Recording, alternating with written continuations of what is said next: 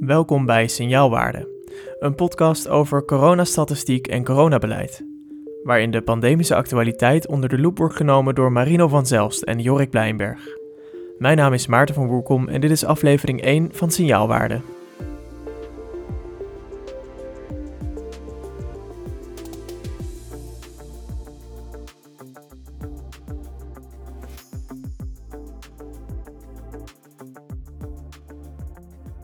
Ja, welkom. Dit is dus uh, de eerste aflevering. En um, ik zeg welkom tegen jullie als luisteraar. Um, maar ik zeg ook welkom tegen Marino van Zelst en Jorik Blijenberg. Uh, Marino en Jorik, welkom in jullie eigen podcast. Ja, dankjewel. Dankjewel. Ik ken jullie natuurlijk al, maar de luisteraar misschien niet. Dus ik zou ontzettend graag willen dat jullie jezelf even introduceren en voorstellen. Um, Marino, brand los.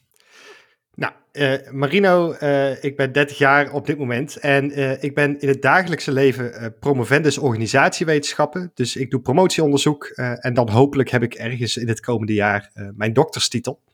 Um, en ik kijk dus vooral naar organisaties en strategie, um, maar ook naar hoe organisaties reageren op um, het behalen van hun signaalwaardes. dat is daadwerkelijk wat ik heel de dag al zit te doen. En um, gedurende de coronapandemie ben ik me daar dus ook met corona mee bezig um, gaan houden. Uh, door te kijken naar uh, de cijfers en die op Twitter um, te posten. En daar met andere mensen uitgebreid over te praten en ideeën over te ontwikkelen, zoals uh, Jorik. Ja, een van die andere mensen was inderdaad Jorik. Juist. Ja, ik ben Jorik Blijnberg. Ik woon hier in Amsterdam. En ik heb een uh, eigen bedrijf en daarnaast werk ik ook nog voor een uh, klantenservice van een grote videostreamingsdienst.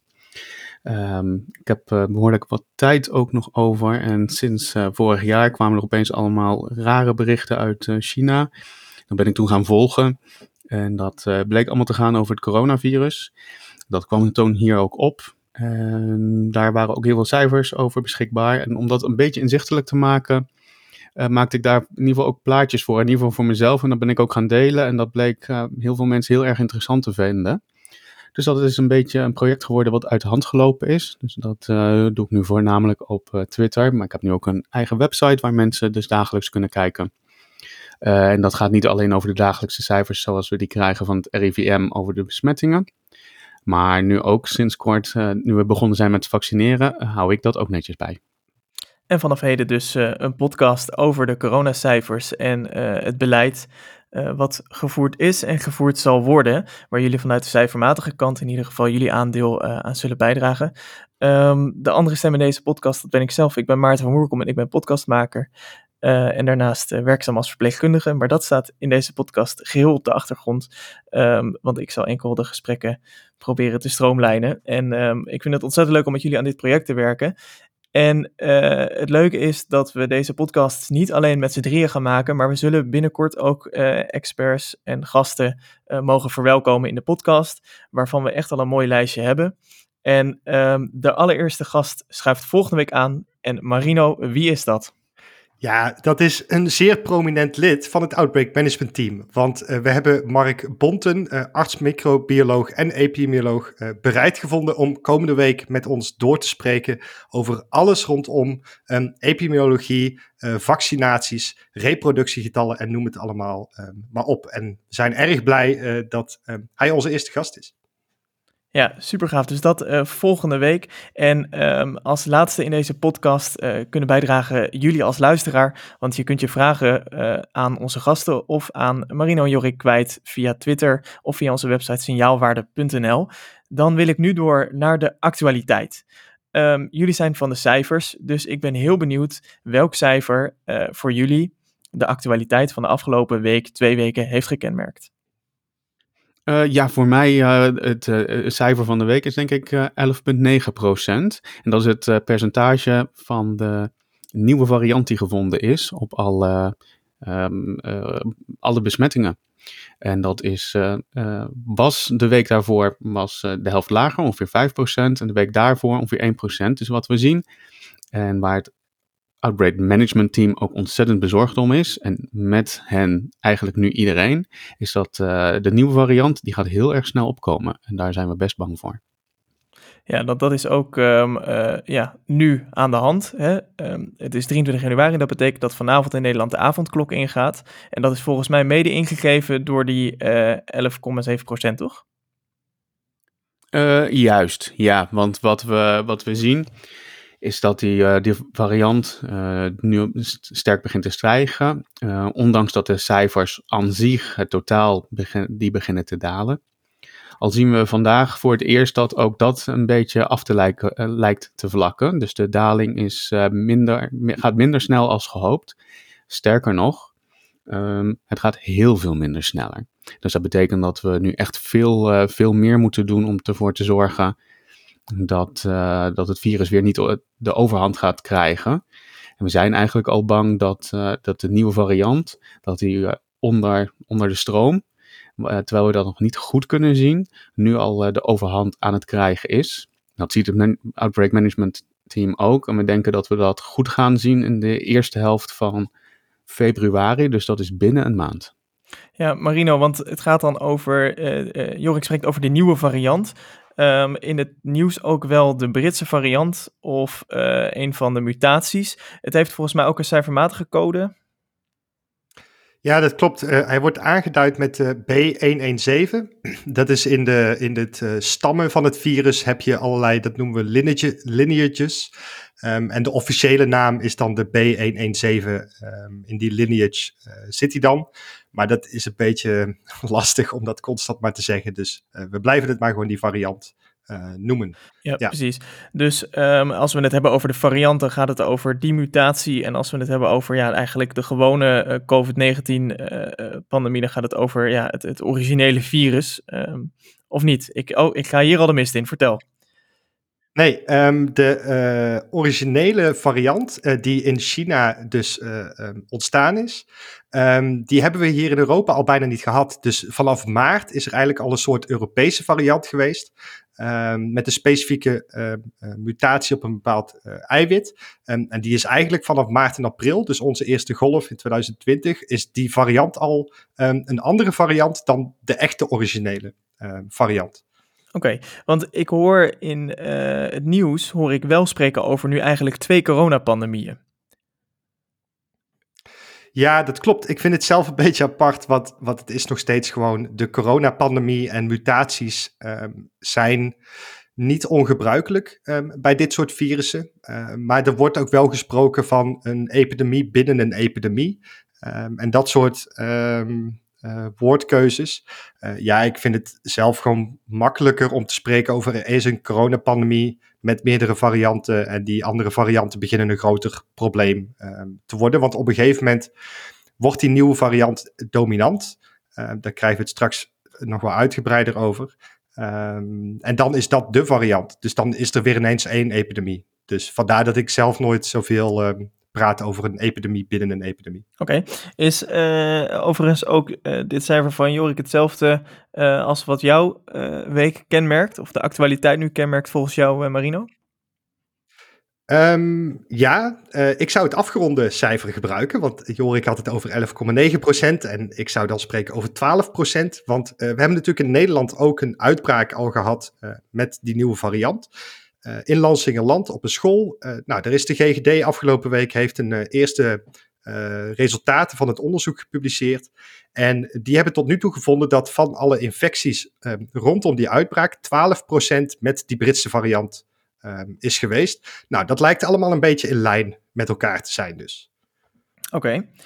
Um, maar toch zijn jullie niet positief gestemd.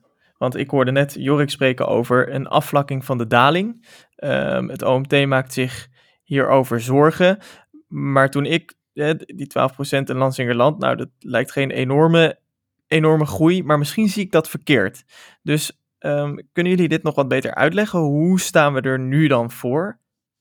Ja, gekoppeld namelijk aan, uh, aan die, die, die 10% is namelijk een ander belangrijk cijfer en dat is die ongeveer 30%. Uh, dat is de besmettelijkheid, uh, de extra besmettelijkheid van dit virus.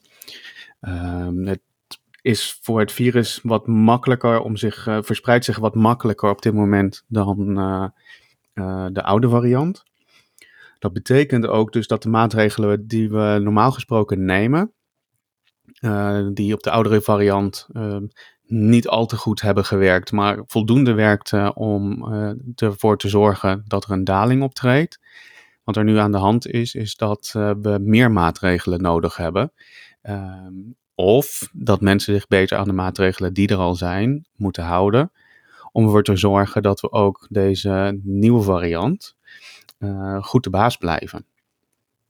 Ja, want dat is eigenlijk een beetje um, ja, de tegenstelling die je, die, die tenminste de gewone sterveling die niet zo diep in de cijfers zit, uh, de afgelopen weken misschien ziet en ervaart, is dat we aan de ene kant zien dat die cijfers die voor de kerst, en correct me if I'm wrong, maar boven de 10.000 besmettingen per dag zaten, um, en waar dat nu eigenlijk de helft is, Um, waarvan ik zoiets zou hebben van, nou ja, dan kunnen we over een paar weken in ieder geval weer naar de stad en kunnen de winkels weer open. En zouden we misschien zelfs naar de horeca kunnen. Maar het tegenovergestelde gebeurt eigenlijk. Zijn er nog meer cijfers dat jullie zeggen van, oké, maar om dit dan goed te begrijpen, moet je eigenlijk uh, dit concept snappen? Ja, uh, volgens mij, ja, Marino ook mag zo aanvoelen inderdaad. Maar wat we uh, wat, je zegt, dat klopt. We zaten rond de, boven de 10.000 en nu zitten we rond de, rond de 5. Het, het grote probleem is, is de snelheid, hoe snel, we snel bij die, hoe snel we bij die 5 zijn gekomen. Normaal gesproken, dat is misschien wat korter te bracht, maar we verwachten, de voorspelling is dat op het moment dat je een harde lockdown doet, zoals we die ook uh, hebben gehad, of waar we eigenlijk nu middenin zitten, is dat je een R-waarde bereikt van 0,8, oftewel dat je elke 10, 12 dagen halveert. We doen over deze halvering doen we echt al een paar weken. Dus dat is, dat is heel, heel traag.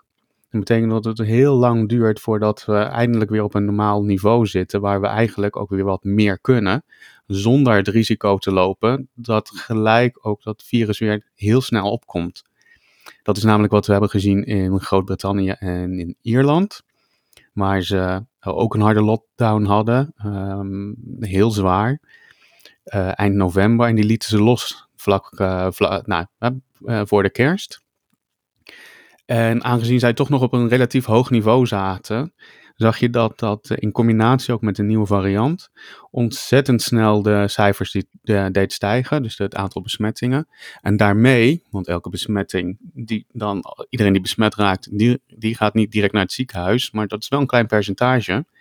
Maar als er maar heel veel mensen worden besmet, zie je ook direct uh, dat terug in de cijfers van de ziekenhuizen en later dan weer het aantal doden. En we zien dat het daar heel erg is misgegaan.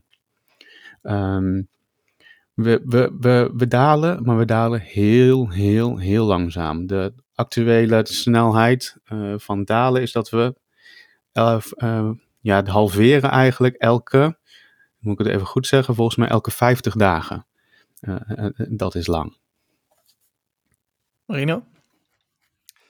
Ja, kijk, er is een combinatie van, van dingen waarom het OMT zich um, expliciet zorgen maakt. Um, waarom wij ons ook zorgen maken. En dat we dus helaas um, niet zo uh, positief zijn als dat ik zelf zou uh, willen zijn.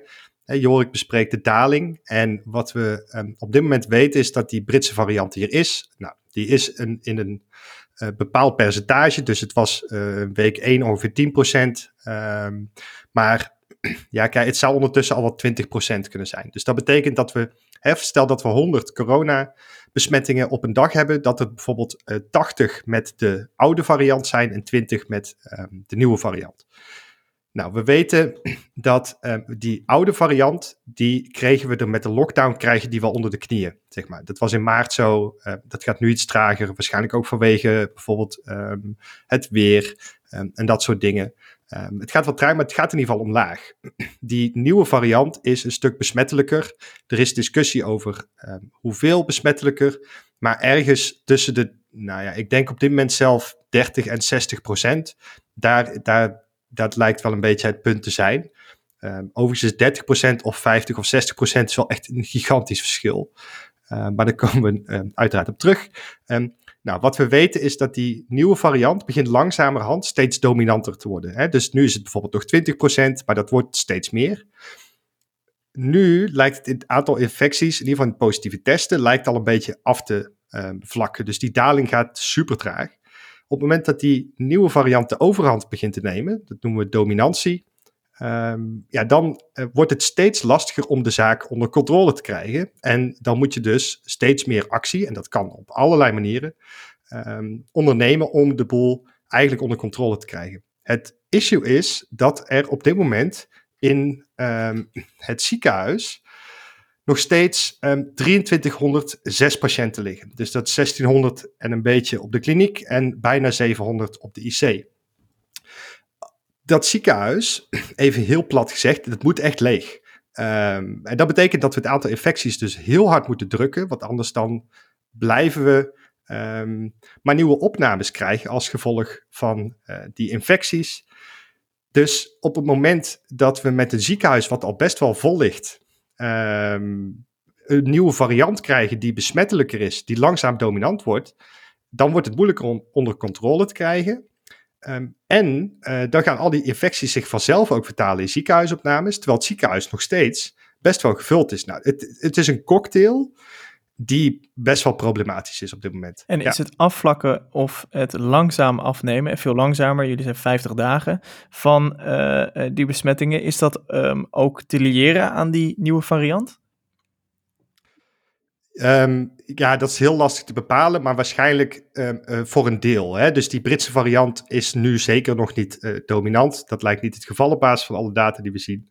Um, maar dat gaat op een gegeven moment wel gebeuren. Dus een deel van die afvlakking wordt misschien wel gedreven door die nieuwe variant. Het kan ook net zo goed met compliance te maken hebben. Hè? Dus of mensen zich netjes aan de maatregelen houden ja, er zijn zoveel factoren die hier aan bijdragen, maar die nieuwe uh, variant zal, zal zeker een onderdeel zijn um, van wat we op dit moment al zien. Het helpt ja. zeker niet mee. Nee. nee. Zeg, en um, nou hadden we het dus over die halvering van 50 dagen. Maar goed, ik kan me voorstellen, jullie zeggen het vlakt af. Dus dat is iets wat je op de kortere termijn hebt gezien. Jullie bestuderen ook elke week um, het weekrapport van het RIVM.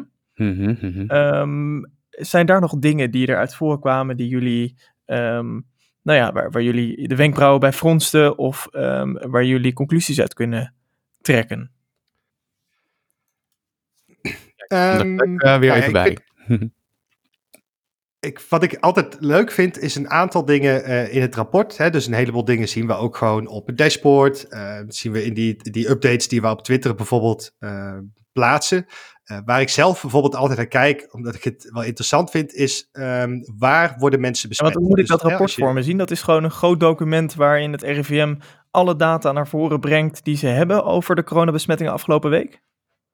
Het is 73 pagina's aan grafieken en tabellen. Oké, okay, en dat, dat ja. spitten jullie elke week door? Uh, spitten wij door, lezen wij door, uh, verwerken we in Excel uh, met onze scripts en maken we dan weer grafiekjes van. Vooral Jorik is hier de koning um, in het grafiekjes maken op, dat, basis van dat rapport. En jij kijkt dus naar waar mensen besmet raken. ik lees alle 73 pagina's, maar, maar dat, dat is wel een tabel waar ik echt ehm, altijd op begin te letten. Um, omdat het heel interessant is om te zien waar dat precies gebeurt. Want je kunt je beleid er natuurlijk op um, aanpassen. Um, hè, want het gaat ook altijd over die, uh, de meeste mensen raken thuis besmet uh, of bezoek. Nou, dat kun je in die tabel ook inderdaad zien. Dus wat ik altijd leuk vind om te kijken is hoeveel van de uh, bronnen weet de GGD te vinden. Dus als je een positieve test hebt, dan word je gebeld door de GGD. En, en die vraagt van, nou, waar ben je in de afgelopen week allemaal geweest? Uh, bijvoorbeeld. En aan de hand daarvan proberen ze een beetje uit te zoeken van nou, waar ben je waarschijnlijk um, besmet geweest? Is het thuis? Is het op je werk? Uh, is het in de horeca? Uh, wat nu wel lastig is, natuurlijk. Um, en meestal zien we daar dat ongeveer 50% van de besmettingen waarvan we het weten, is, is thuis. Hè? Dus huisgenoten. En we weten het ongeveer op dit moment van 60%. Wat echt wel veel is, want het is wel eens echt tot 20% gezakt. Dus de GGD is echt goed bezig en hard aan het werk. Um, we zien ook weer dat de bezoek in de thuissituatie rond de 20% hangt. Dat was in de afgelopen paar weken echt 35. Dat kwam natuurlijk door de feestdagen. Dus daar, met de feestdagen weten we gewoon dat heel veel mensen uh, ten opzichte van normaal besmet zijn door het bezoek. En wat ik zelf altijd heel leuk vind om te bestuderen is wat is eigenlijk een soort de veiligste plek um, om op dit moment te zijn. Um, hè, dus de, de plek waar het minste mensen besmet raken volgens het GGD-onderzoek. En dat blijkt in de afgelopen week uh, te zijn een koor. Uh, dus er zijn maar drie besmettingen in koren uh, geweest afgelopen week. Dus blijkbaar is dat ehm, een veilige plek. En wat ik ook weer opvallend vond, was dat in de horeca maar 0,1% van de mensen besmet is geraakt. Dus de horeca lijkt echt een hele slimme plek om te zijn op dit moment. Nou, dan um, gaan we daar maar vast weer even heen. Uh, ja, nou ja, het maak ik, ik maak een grapje uiteraard. Want als het dicht is, dan is het ook um, uh, lastig om uh, daar besmet te raken. En dat is ook wat je dus in dat rapport kunt zien. Hè? Dus dat het aantal besmettingen op school was afgelopen week uh, 228. Het gebeurt dus nog steeds, maar de weken ervoor was het een paar duizend soms. dus je ziet wel dat het sluiten van bepaalde omgevingen, dat dat helpt. Um, om het aantal besmettingen daar te drukken. Rick, heb ja. jij uh, data uit dat uh, weekverslag van afgelopen week waarvan je zegt dat vind ik interessant? Um, nou, wat ik ook, uh, nou, ik kijk naar dezelfde tabel eigenlijk altijd als Marino, als een van de eerste dingen, omdat het interessant is om te zien waar mensen besmet raken. Wat we zagen afgelopen week is dat de werksituatie, die was heel erg laag. Althans laag, er werd in, in week 1 volgens mij ongeveer 10% besmet in de uh, werksituatie, dus van de mensen waarvan we het weten. En dat was deze week alweer gestegen naar 16 procent, uh, ruim 16 procent. Um, dus je ziet ook dat dat uh, toeneemt. En dat is eigenlijk wel zorgelijk. Het correleert een beetje met wat we zien in de data van Google, de mobility data, dus van plaatsen, waar gaan mensen heen. En we zagen ook in de kerstvakantie dat daar natuurlijk, zeker tijdens oud en nieuw en kerst, eigenlijk bijna niemand aan het werk was. Maar dat is best wel weer sterk gestegen. En dat zie je daarna ook dan wel weer terug hier in dit rapport. Dat als mensen weer terug naar het werk gaan, ze ook, hoe goed ze ook hun best doen, uh, daar toch echt risico lopen en ook besmet worden.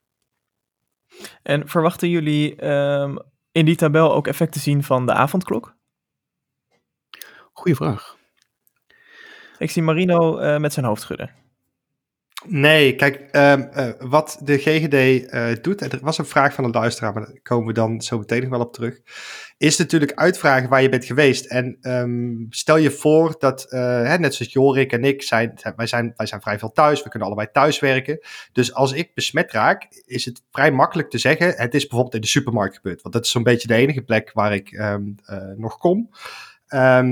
die avondklok is erop gericht om mensen ja, letterlijk van straat te houden. Dus um, mensen die uh, op straat zijn, nou, dat is één al buiten. Um, dus daar is het wat lastig om besmet te raken. Um, dus al die besmettingen in, op willekeurige plekken eigenlijk, die kun je heel moeilijk traceren, omdat mensen die op al die plekken komen, um, die zijn waarschijnlijk, waarschijnlijk ook op een heleboel andere plaatsen. Maar is het, dus ik kom alleen is het, een, is het een maatregel om mensen van straat te houden, of is het een maatregel om te zorgen dat mensen niet s'avonds nog ergens heen gaan en weer terug? Ja, je was, je was me Maarten, want dat was het tweede punt wat ik wilde gaan maken. Namelijk één, het is dat. Maar twee, het is ook uh, natuurlijk bedoeld om te voorkomen dat mensen toch op bezoek gaan. Want je moet wel uh, echt heel vroeg op bezoek gaan, wil je dan op tijd uh, thuis zijn. sowieso is ook bij die maatregelen natuurlijk uitgelegd, joh, het is nu niet de bedoeling dat je om drie uur s middags je, je bridgeclub um, of je biljartavondje of je pils met een voetbalwedstrijd nu ineens gaat doen.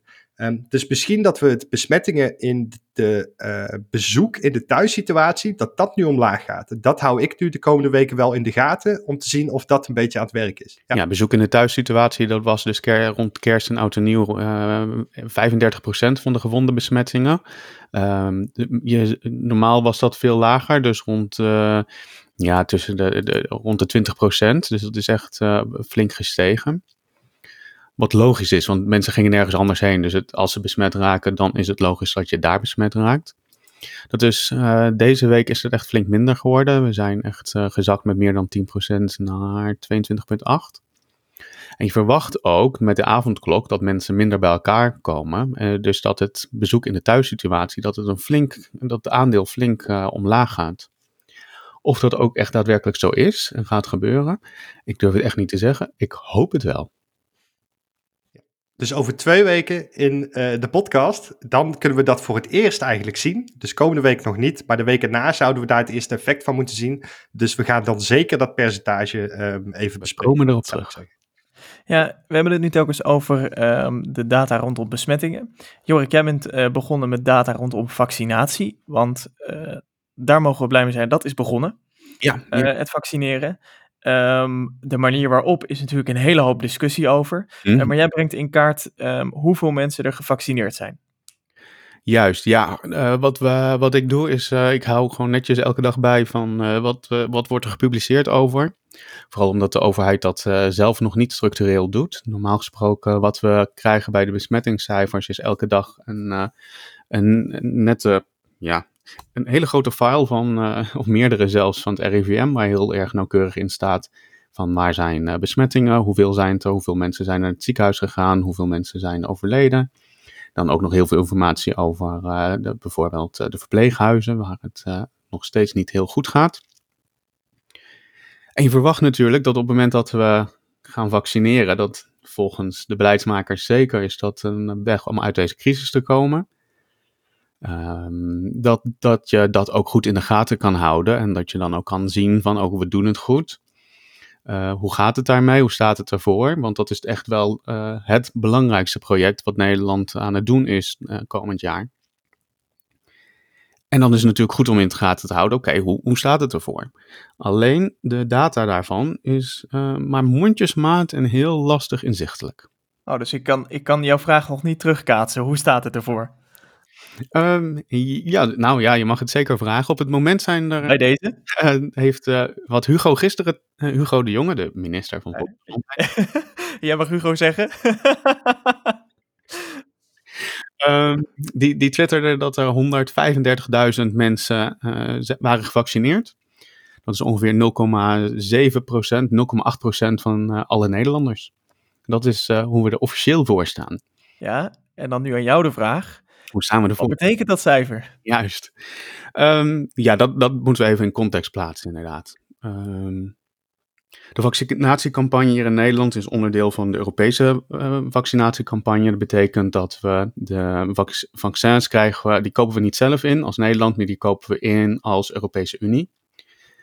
We staan dus ook echt los daarvan, bijvoorbeeld van waar ook mensen naar kijken veel, is Groot-Brittannië en naar Israël. Wat wij doen, wij, uh, wij krijgen het aantal vaccins. Dat wordt toebedeeld. Ja, Europa koopt dat in. En elk land krijgt toebedeeld naar rato van het aantal inwoners. Dat betekent dat iedereen procentueel uh, naar rato gewoon gelijk verdeeld krijgt. Dus je zou in ieder geval binnen de EU dat goed kunnen vergelijken. En we zien dat we nu al ruim nou, een kleine 550.000 vaccins hebben binnengekregen. En dan ga je natuurlijk snel rekenen, want het getal dat ik net noemde, 135.000, dat betekent uh, dat we nog ruim 400.000 vaccins nog niet hebben weggeprikt. De vraag is even natuurlijk, is dat heel erg, ja of nee? Uh, Hugo wilde, die, die zei ook, uh, ik zei weer Hugo hè. minister die, die hamerde er natuurlijk op van ja, we, we, moeten dit wel op een goede manier doen. We moeten vertrouwen werken, eh, werpen. Mensen moeten vertrouwen hebben in, het vaccina in de vaccinatie, dat we dat goed doen. Uh, en we doen het heel erg zorgvuldig. Um, alleen als we nu kijken, uh, niet naar Israël en niet naar Groot-Brittannië, want die hebben al heel veel gevaccineerd, maar gewoon naar de landen om ons heen. Die wel wij, binnen dat EU-programma zitten? Juist. Um, dat wij wel heel zorgvuldig uh, aan het vaccineren zijn. Uh, nee, we zijn heel langzaam.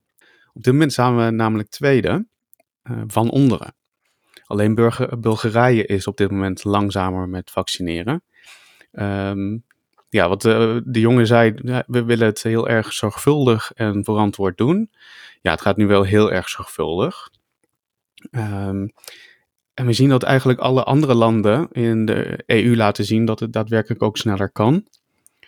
Um, Natuurlijk ben ik er wel blij mee dat we het zorgvuldig doen hoor. Want als je sommige beelden ziet van. Uh, nou, als ik, zag uh, beelden uit Florida waar mensen. Uh, daar hebben ze het niet zo netjes georganiseerd. En daar zaten ouderen, echt hele oude mensen, die zaten allemaal in een rij voor het ziekenhuis om daar gevaccineerd te worden. dus qua organisatie denk ik dat we er blij mee mogen zijn hoe het nu hier gaat in Nederland. Maar als je het vergelijkt met de rest van de EU, zien we. Um, dat de vaccinatie zoals die nu gaat, uh, gaat goed. Gaat ook uh, erg verantwoord en zorgvuldig. We zijn er alleen heel laat mee begonnen. En dat is, een, dat, dat is eigenlijk de kern van uh, de huidige, waarom we nu zo, zo langzaam zijn en onderaan bungelen in de lijstjes. Um, ja, het ministerie was hier gewoon niet klaar voor. Da dat is mijn gevoel op dit moment. We waren er gewoon niet klaar voor. We zijn er niet goed op voorbereid.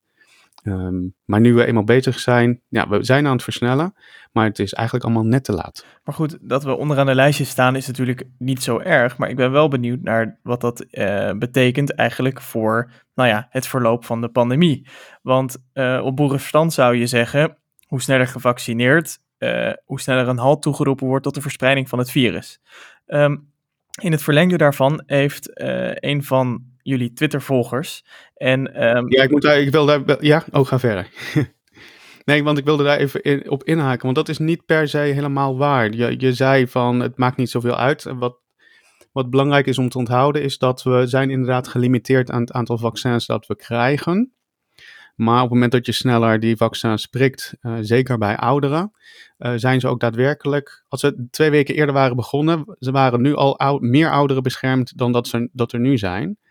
Um, dus dat maakt zeker nu tijdens de pandemie wel degelijk uit. Nee, precies. Als je dat was, sneller bent. Dat was ook de vraag van, mm -hmm. eh, bedoel, dat, dat, dat het, het scorelijstje misschien niet mooi staat, dat, mm -hmm. dat, dat is tot daaraan toe. Maar mm -hmm. um, inderdaad, wat betekent het voor de verspreiding van het virus? En um, in het verlengde daarvan heeft een van jullie Twitter-volgers, Arjan Visser, en uh, ik hoop binnenkort ook luisteraar, die heeft gevraagd wat de invloed van de vaccinatiegraad is op het reproductiegetal. En dat leek me een mooie vraag om hier aan te koppelen. Ja, kijk, we gaan er alvast een antwoord op geven. Maar um, komende week in uh, de podcast hebben we um, een epidemioloog die ook vaccinonderzoek doet. Dus als het gaat over wat vaccinatiegraad doet met het reproductiegetal, wil ik het volledige antwoord toch graag aan um, Mark Bonte overlaten. Maar we nemen vast een voorschotje. We hebben wel een kort antwoord, inderdaad hopelijk uh, zeggen we, praten we dan geen onzin, maar daar komen we komende week dan natuurlijk achter. Um, het is heel complex.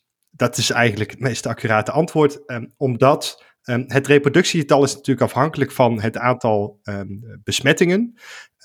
als je gaat vaccineren bij kwetsbare mensen, dan weten we dat die mensen het niet zoveel doorgeven, maar er wel vooral ziek van worden. Dus als we eerst de meest kwetsbare mensen gaan vaccineren, zullen er zeker minder mensen overlijden. Maar ik vraag me wel af in hoeverre het reproductiegetal in één keer uh, naar beneden gaat, omdat dat vooral gedreven wordt door de grotere groepen, namelijk vooral de jongeren uh, bijvoorbeeld. Hè, want daar vinden echt het meeste besmettingen plaats. Nou, die staan achteraan in de rij om gevaccineerd te worden. Dus een directe impact op, de, uh, vaccin of op het reproductiegetal zullen we niet gelijk zien. Wat interessant is, is natuurlijk om uh, te beseffen, en daar gaan we het komende week heel uitgebreid over hebben, um, is een vaccin kan meerdere dingen doen. Eén, het kan uh, ervoor zorgen dat je niet ziek wordt, maar dat je wel geïnfecteerd raakt. Hè? Dus je krijgt het virus wel binnen en uh, je lichaam herkent het virus en begint het dan op te ruimen. Maar dan loop je wel een infectie op, maar het levert gewoon geen issues op. Je kunt ook krijgen, en dat noemen we steriliserende immuniteit, dat je het niet eens meer geïnfecteerd raakt. Dus dat je het daarna uh, ook niet ziek van wordt, maar het ook niet door kunt geven. En dat laatste is nu eigenlijk de grote vraag. Namelijk, je, kunt er dan, je wordt er dan niet meer ziek van als het vaccin werkt. Maar het kan wel zijn dat je nog besmettelijk bent. Die eerste paar dagen dat je het binnen hebt gekregen. Daarna ruimt je lichaam het gewoon snel op. Dat is de grote vraag. Um, omdat dat ook betekent dat we uh, nog best wel wat maatregelen, zoals mondneusmaskers, um, afstand houden, eigenlijk in werking moeten houden totdat we echt genoeg mensen gevaccineerd hebben. Nou, en het land waar we nu naar kijken om die vraag te beantwoorden is Israël. Um, want de vaccinatiegraad in Israël is hoog. Jorik weet vast wel um, hoeveel mensen we al, uh, hoeveel mensen er al geprikt zijn in Israël. Ja, heel veel, ruim 30 procent. Nou, dat is in vergelijking met Nederland, waar het dus 0,7% is, um, wel even een verschil. Um, en dat land loopt dus zo ver voor, waardoor eigenlijk de hele wereld nu aan het kijken is. Wat gebeurt er in Israël met de infecties? Omdat zij al zoveel mensen gevaccineerd hebben ten opzichte van de rest van de wereld. Ja, dat moeten we echt in de gaten gaan houden om daar de eerste antwoorden te krijgen over hoe werken die vaccins nou echt om het aantal besmettingen ook omlaag te krijgen. En uh, ik zou zeggen, de rest uh, van het antwoord op deze vraag uh, moet Arjan komende week maar luisteren. Juist, met het reproductiegetal inderdaad, dat is een complexe zaak. Want uh, de eerste data wat ik vandaag heb gezien uit Israël is wel uh, um, dat wat de fabrikant zei, dat, we, dat, dat ouderen wel beschermd raken, gedeeltelijk. Dat is inderdaad daar een, uh, de helft van, weet het nou, de mensen die gevaccineerd zijn, die worden maar, daarvan wordt maar de helft ziek in vergelijking met de controlegroep. Ehm, dus dat betekent ook dat we, we zijn hier langzaam met uh, vaccineren. Dat betekent ook dat we daadwerkelijk uh, ja, toch veel mensen die ziek worden, die onnodig ziek worden, omdat we heel laat en traag zijn begonnen. Oké, dan nog even door op dat reproductiegetal, hè, die R, daar hoor je veel over. Um, en daar is nog een vraag van binnengekomen um, van een van de Twitter-volgers, en dat is Daan. Die vroeg zich af namelijk over uh, de berekening achter die R. Hè. Die is berekend op basis van de testresultaten en hij zet dat tegenover de ziekenhuisopnames. Want hij stelt die testresultaten zijn soms wisselend betrouwbaar, bijvoorbeeld op particuliere testbureaus, storingen, wijzigingen in testbeleid, etc. Kun je niet beter zo'n R berekenen op basis van ziekenhuisopnames? Um, nou, dat kun je ook doen. Uh, hè, dus we berekenen het op dit moment, het getal wat je op het dashboard bijvoorbeeld ziet, is aan de hand van het aantal positieve uh, tests uh, wat dagelijks gemeld wordt. Maar um, het RIVM en het OMT berekenen het reproductiegetal ook op basis van het aantal opnames en op basis van het aantal IC-opnames. En dan blijkt dat allemaal best wel dicht bij elkaar te liggen. Dus daar zit wel wat verschil tussen. En ik ben het met Daan eens dat opnames betrouwbaarder um, zijn. Want uh, ja, daar zitten minder hè, al die factoren in uh, die Daan ook wel noemt. Maar um, uiteindelijk, als je ze allemaal berekent, en dat gebeurt dus ook door het OMT en het RIVM, dan ligt het allemaal dicht bij elkaar. Dus al die trends, die um, ja, hebben toch dezelfde golfbeweging uh, eigenlijk. Dus op zich maakt het niet zo heel veel uit. En natuurlijk is het best om het allemaal te doen. En dat doet het OMT dus ook. Oké, maar goed, dus op die manier kun je uh, dus ook naar die R kijken. Um, die R, dat is natuurlijk het reproductiegetal um, aangaande de besmettingen. Hoe snel gaan die besmettingen? En um, in het verlengde daarvan is er nog een vraag binnengekomen. En ik zal eens even controleren van wie die was. Die is van uh, Roger van der Kraan of Roger van der Kraan. Ik hoop dat ik uh, zijn naam zo uh, goed uitspreek. Um, die vraagt zich namelijk af of er specifiek iets bekend is over besmettingen in combinatie met supermarktbezoek. Dus heeft, winkel, heeft de winkel, winkelmedewerker daar een rol van? vakkenvullers besmetten die klanten of elkaar. cashiers die pakken alle boodschappen op. En dus er zijn best wat contactmomenten. Brengt dat risico's met zich mee? Die besmettingen en de supermarkt. Is dat een um, belangrijke combi waar we eigenlijk meer op moeten letten of op hadden moeten letten? Ja, het is best wel onduidelijk op dit moment wat de rol van supermarkten is, omdat mensen daar natuurlijk vrij uh, kort zijn. En ze hebben daar heel veel verschillende contacten. Dus op het moment dat daar mensen besmet worden, uh, stel ik ga naar de supermarkt toe, ik word daar besmet. Tenzij ik nergens anders ben geweest uh, de rest van de week, dan weet ik vrij zeker dat dat daar is gebeurd. En niet bij mij thuis, want ja, daar is dan niemand geweest. Um, maar dat is best wel lastig. En het lijkt ook heel lastig volgens mij in BCO om dat naar boven te halen. Dus bij het bron- en contactonderzoek. Uh, het is namelijk ook niet een aparte categorie waar we het al eerder over hadden. Over het in het uh, RIVM-rapport van settings of plekken waar mensen besmet zijn, mogelijk. Um, daar staat supermarkt niet specifiek als categorie nog tussen. Core bijvoorbeeld wel, supermarkt niet. Ze hebben overigens daar nog wel een categorie met overig, waar, ze misschien dan in zitten. En bij bron- en contactonderzoek hebben ze voor uh, deze maand heel veel mensen, weten ze de settings, oké, waar zijn ze besmet van, maar van heel veel mensen, van ongeveer kleine 40%, weten ze het ook niet. Dus het kan goed zijn dat van de mensen waarvan ze het niet weten, dat ze daarin zitten wil niet zeggen dat je niet besmet kan worden in de supermarkt. We weten het alleen in Nederland niet. Er zijn wel ook studies gedaan, uh, ook in het buitenland. Ik was snel aan het zoeken, kon niet direct, direct de bron meer vinden. Maar als we show notes krijgen, dan komt hij daarin. Uh, namelijk een paper waar inderdaad werd be beschreven hoe een uh, supermarkt um, toch wel een soort centrale hub was waar mensen besmet uh, geraakt zijn. Waarin iemand binnenkwam en uh, vervolgens heel veel andere mensen ook uh, via de supermarkt daadwerkelijk besmet zijn. Ja. Oké, okay, Marino, heb je nog wat toe te voegen daarop? Ja, kijk, wat interessant is, is we hebben in het begin onderzoek gedaan naar wat zijn de transmissieroutes. Hè? Dus je kunt besmet raken doordat mensen je gezicht uh, hoesten. Uh, aerosolen is uh, een onderdeel. En een ander onderdeel is besmetting door het aanraken van oppervlaktes die aangeraakt zijn door andere mensen uh, die besmet zijn. Hè? Dus daar moet je je handen wassen. Um, omdat ehm, je dan handen schudt, wordt het minder een probleem. Nou, dat doen we nu niet meer, maar je raakt nog wel producten aan, zoals in een supermarkt bijvoorbeeld. Nou weten we uit uh, onderzoek in het begin dat fomites, zoals dit zo mooi heet, dus dat is de transmissieroute via het aanraken van dezelfde objecten, dat dat niet zo'n hele grote transmissieroute is geweest. Um, dus het vastpakken van een pak rijst wat iemand terug heeft gezet, omdat hij toch een andere rijstmerk uh, wilde, Um, dat lijkt niet zo'n probleem te zijn. Met die nieuwe besmettelijkere varianten is dit wel weer opnieuw de vraag. Dus of deze route uh, misschien nu lastiger is geworden. Het is natuurlijk wel zo dat we in een supermarkt uh, sinds een paar maanden, nou ja, sinds anderhalf maand ongeveer, verplicht mondneusmaskers moeten dragen. ik draag eigenlijk al heel lange tijd chirurgische mondneusmaskers, soms zelfs FFP2, op het moment dat het erg druk is in de supermarkt. Nou ben ik ook erg voorzichtig. Um, maar ik zou in het algemeen in de supermarkt, zoals Jorik schetst, ja, er komen gewoon heel veel mensen door elkaar heen. Een beetje afstand houden, je mondneusmasker gewoon dragen en je handjes wassen achteraf. Um, nadat je in de supermarkt bent geweest, lijkt me gewoon wel verstandig. Ja. Oké.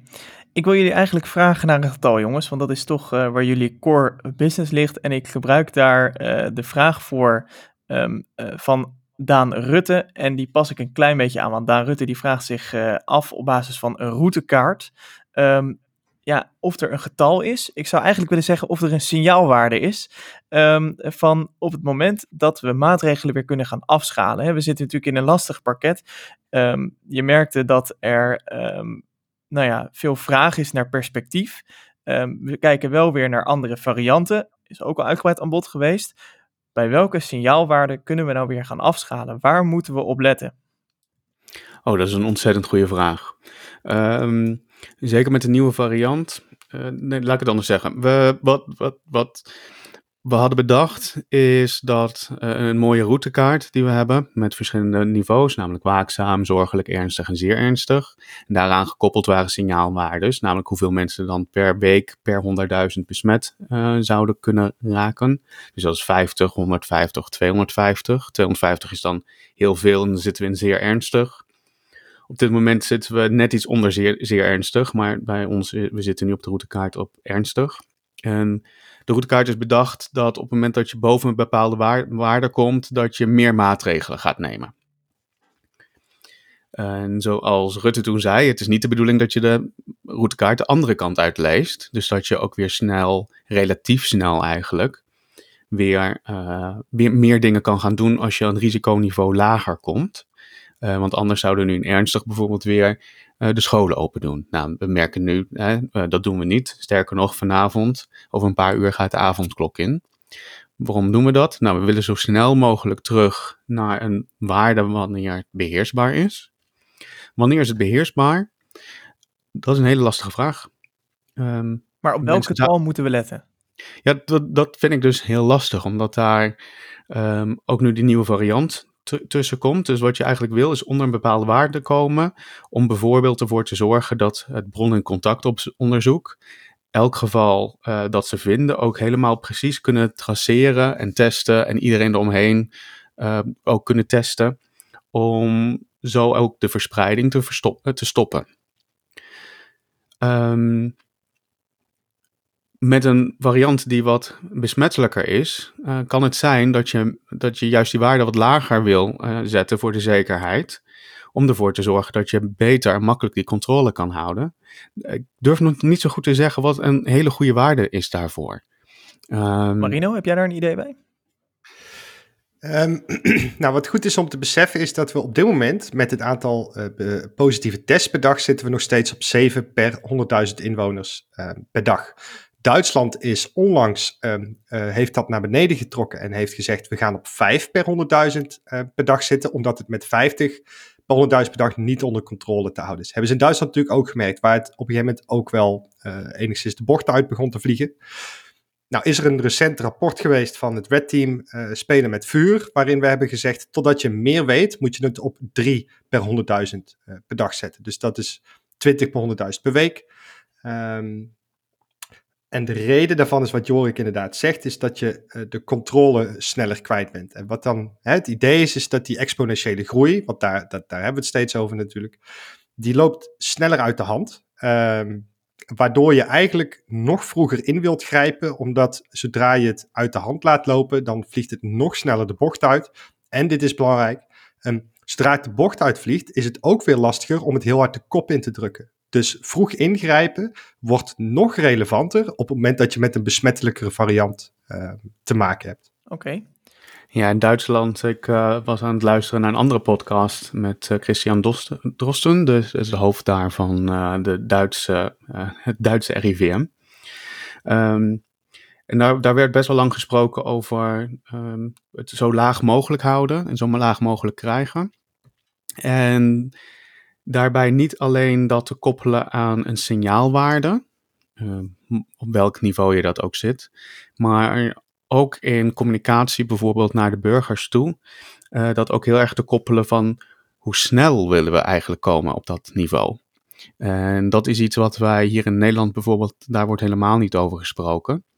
Wat ik net al zei, om bij de signaalwaarde te komen waar we het net over hadden. Uh, dus laten we zeggen van zorgelijk naar waakzaam, die overgang. Op dit moment heb ik, als we met het huidige tempo dat doen, dan zitten we pas op in waakzaam op bevrijdingsdag. En dat is heel ver weg. Zeker heel ver weg. Een signaalwaarde die je in ieder geval in de gaten kan houden is deze podcast, uh, want we zullen hier uitgebreid nog uh, op terugkomen. Hey, ik ben benieuwd. We, we hebben al even kort vooruitgeblikt uh, met deze vraag. Overigens, dank voor het insturen van de vragen via Twitter. Blijf dat vooral doen. Um, en dat kan ook via de website www.signaalwaarde.nl. Jongens, um, we gaan richting het einde van deze eerste aflevering. De komende week, de komende twee weken. Waar moeten we op letten? En uh, wat verwachten jullie wat we gaan zien? Welke cijfers hopen jullie? Welke cijfers hopen jullie niet te zien? Ja, kijk, wij hebben het in het begin natuurlijk al even gehad over die Britse variant. En, um, de, en de andere varianten, laten we niet vergeten dat er ook een Zuid-Afrikaanse eh, variant is en ondertussen ook een Braziliaanse variant. En dat zijn ook de redenen natuurlijk dat we het luchtruim met deze landen um, hebben gesloten. Ja, kijk, dat wordt de komende tijd gewoon het ding. Um, omdat die uh, nieuwe varianten, en dan met name degene die in het Verenigd Koninkrijk ontdekt is, die gaan dominanter worden. Hè? Dus, dus dat betekent dat over tijd van alle infecties die we gaan zien, zal een steeds groter percentage zal met die nieuwe variant zijn. Daardoor gaat het reproductiegetal stijgen als je alles constant houdt. Dus als we het beleid en het gedrag en het weer, et cetera, constant houden. Um, en naarmate die variant dan dominanter wordt, gaat het reproductiegetal vanzelf stijgen, waarschijnlijk zelfs boven de 1. Um, dat is de reden dat we de regering nu besloten heeft extra maatregelen uh, natuurlijk te nemen. En de komende paar weken wordt um, ja, dat hetgeen om op te letten. Dus ik hoop ook dat we met grotere regelmaat um, data krijgen over um, hoeveel die variant voorkomt. Hè, dus het RIVM doet, uh, dit noemen we kiem-surveillance. Dus van elke 100 uh, positieve tests worden er op dit moment een x aantal. Ik noem er even iets 1 tot 5 bijvoorbeeld wordt getest welke variant is dit nu. Willekeurig, zodat je een soort idee krijgt van hoe breed is deze variant nu verspreid. Nou, en dat wordt de komende tijd super relevant om te zien um, hoe snel verspreidt die variant zich uh, door Nederland heen, waardoor we ook weer beter kunnen inschatten hoe problematisch is het nu. Um, de, dezelfde vraag geldt natuurlijk ook, en daar worstelt het kabinet op dit moment heel erg mee, het openen van uh, de scholen, want dat is iets wat um, iedereen eigenlijk wil. En niemand wil die scholen gesloten houden. Maar ja, als het nodig is om de epidemie onder controle te houden of deels te openen met uh, stevige maatregelen, um, ja, dan heb je meer data nodig. En die zullen we de komende, nou ja, ik vermoed twee weken wel um, gaan zien. Ja, en dan wordt het wel spannend. Er is sinds gisteren Um, en eergisteren wat nieuws uitgelekt, ook over die, uitgelekt, Boris Johnson heeft erover gesproken over die Britse variant. En er is wat eerder onderzoek um, wat het idee opwerpt dat die variant ook wat dodelijker is. Um, hè, dus uh, er is onderzoek gedaan door Imperial College, uh, de groep van Neil Ferguson, ook door de London uh, School of Hygiene and Tropical Medicine. en die hebben op basis van onderzoek hebben die het idee dat die variant dodelijker is? Nou hebben we dat onderzoek heb ik bestudeerd. Ik twijfel er heel erg aan of we die conclusie nu al moeten trekken. En er zijn ook een heleboel epidemiologen in Engeland die zeiden: uh, we moeten dit in de gaten houden. Um, maar ja, het is wat voorbarig. Maar dat is echt nieuws van de afgelopen twee dagen. dat dat idee ontstaan is. Ongetwijfeld nog meer over horen dan. Ja, dat gaan we de komende twee, drie weken in de gaten houden. maar ik zag in het nieuws al de 30% dodelijker, et cetera. En ik vond het op basis van de onderzoeken Um, nou ja, niet enthousiast, want niemand wordt hier enthousiast van. Maar het wel een beetje voorbarig om dit nu al uh, te roepen. Dus ik zou de komende twee, drie weken de onderzoeken in de gaten houden uh, die de Engelsen uh, doen. Ja. Jorik, heb jij daar nog iets aan toe te voegen? Ja, ik ga de komende tijd natuurlijk letten op het aantal vaccins dat binnenkomt. Het aantal prikken dat is gezet. Uh, ook de spelage, dus hoeveel uh, prikken uh, we hadden kunnen zetten, maar die niet gezet worden omdat er echt daadwerkelijk verspilling is. We dachten dat dat 10% zou zijn. We doen het nu al op, het ligt nu rond 3%. Dus van alle vaccins die we krijgen, dan wordt 3% in de prullenbak gegooid. Dus 3 op de 100. betekent dat als je 100.000 vaccins hebt, dan, dan gaat het hard, dan, dan, dan gooi je er 3000 weg. Dat, dat is heel erg zonde. Um, we zien bijvoorbeeld in, in Israël dat dat heel veel lager kan. Dus dat is zorgelijk, maar ik ben benieuwd hoe dat in de toekomst gaat. En de leveringen van de vaccins, daar uh, hebben we ja, toch slecht nieuws over gekregen. Lijkt het uh, dat AstraZeneca niet of veel minder geleverd zal gaan worden dan eigenlijk gepland. En dat heeft een enorme impact op de vaccinatiestrategie en de snelheid waarmee we iedereen gevaccineerd krijgen. Wat dat precies gaat doen, dat durf ik nog niet te zeggen. Dus dat hou ik goed in de gaten. En daar komen we zeker de volgende, volgende aflevering weer op terug. En gaan we waarschijnlijk ook terugzien in jouw cijfers. Um, jongens, die pandemie die ontwikkelt zich en um, daar proberen we een klein beetje inzicht in te krijgen met een hoop getallen. Um, daar doen we uitspraken over. En, maar ja, het is, het is iets ja, soms toch wat ongrijpbaars. En um, het ja, gedraagt zich soms gewoon anders dan dat we uh, voorspeld hebben of zouden willen. Um, brengt me bij de laatste vraag van deze podcast, uh, van deze aflevering. Um, zijn jullie nog ergens anders over gaan denken? Zijn jullie ergens uh, op teruggekomen? Zijn er cijfers die je verbaasd hebben? Is er een ommezwaai in je gedachtegang geweest omdat je geconfronteerd werd met een situatie die anders was dan je aanvankelijk had bedacht? Eh, ja, goede vraag. Ik had afgelopen, um, afgelopen week een heel erg uh, heel, een plotseling gesprek met iemand die werkt in uh, een inderdaad. Dus een op afdeling met dementerende ouderen, die, die daar ook besmettingen had. Dus dat is, was heel zwaar, heel zwaar werk. En daar had ik eigenlijk een, uh, een heel goed gesprek mee, want wat, normaal gesproken, ik kijk natuurlijk elke dag naar de cijfers, maar je spreekt heel weinig met mensen, althans de mensen, daar zitten achter al die cijfers, daar zitten ook mensen. En zo ben ik wel anders na gaan denken over de maatregelen die we bijvoorbeeld nu hebben, uh, of aan het nemen zijn en hoeveel impact het eigenlijk heeft voor zeker de mensen die daar zitten. Um, want oude mensen die hebben niet heel erg lang te leven. En we isoleren ze nu heel erg. Uh, letterlijk uh, leven ze nu geïsoleerd. En het is heel erg de vraag, uh, nou niet de vraag, wat, wat, wat die mensen aangeven, is dat ze die maatregelen te zwaar vinden. Dus ze willen liever bezoek hebben en dan het risico lopen om dood te gaan aan corona, dan dat ze doodgaan nu aan eenzaamheid. En daar had ik voor dit gesprek wel over nagedacht, maar niet zo indringend. Omdat er daadwerkelijk heel veel mensen zijn op die afdeling. Um, die aangeven van ik, ik wil eigenlijk liever dood dan dat ik nog langer hier in isolatie zit. En dat had ik me voor deze week eigenlijk niet zo goed gerealiseerd. Hoeveel impact toch een generieke maat, of heel veel generieke maatregelen hebben op verschillende groepen van mensen, omdat de meeste maatregelen meer zijn afgestemd op het gevoel dat ik zelf heb, en waarschijnlijk ook politici, die best wel een sterke uh, sociale interactie hebben, en minder rekening, toch te weinig rekening houden met specifieke in, individuele wensen van mensen. Marino? Ja, uh, ik zat over hetzelfde thema uh, te denken, want uh, wat Jorik ook schetst is, we zijn natuurlijk dagelijks met die cijfers bezig, maar ehm, die cijfers zijn een gevolg van mensen die besmet raken, ziek raken en daardoor overlijden. En zeker in de verpleeghuizen overlijden er heel veel mensen. Uh, hè, dus van alle sterfgevallen is ongeveer 50% in een verpleeghuis. Ja, en dat, het is gewoon enorm veel. En het getal waar ik me deze week weer over na, naliep te denken was, ik houd elke week de oversterfte bij. Uh, hè, dus hoeveel mensen er meer overlijden dan we zouden verwachten op basis van uh, de afgelopen jaren. En je kunt dat ook zien voor, uh, in het verschil tussen mensen in verpleeghuizen en mensen die niet in verpleeghuizen wonen. Dus in die zorginstellingen. En ik noem dit altijd de, um, de stille ramp. Hè. Dat hebben we in de eerste golf hebben we dat zo genoemd. sterfte in verpleeghuis, stille ramp, omdat het gewoon gebeurde Um, en we dit gewoon niet genoeg oog voor hadden. Dus sindsdien ben ik gaan bijhouden um, hoe vaak um, er oversterfte is geweest in die verpleeghuizen. En in de eerste golf was het acht weken lang.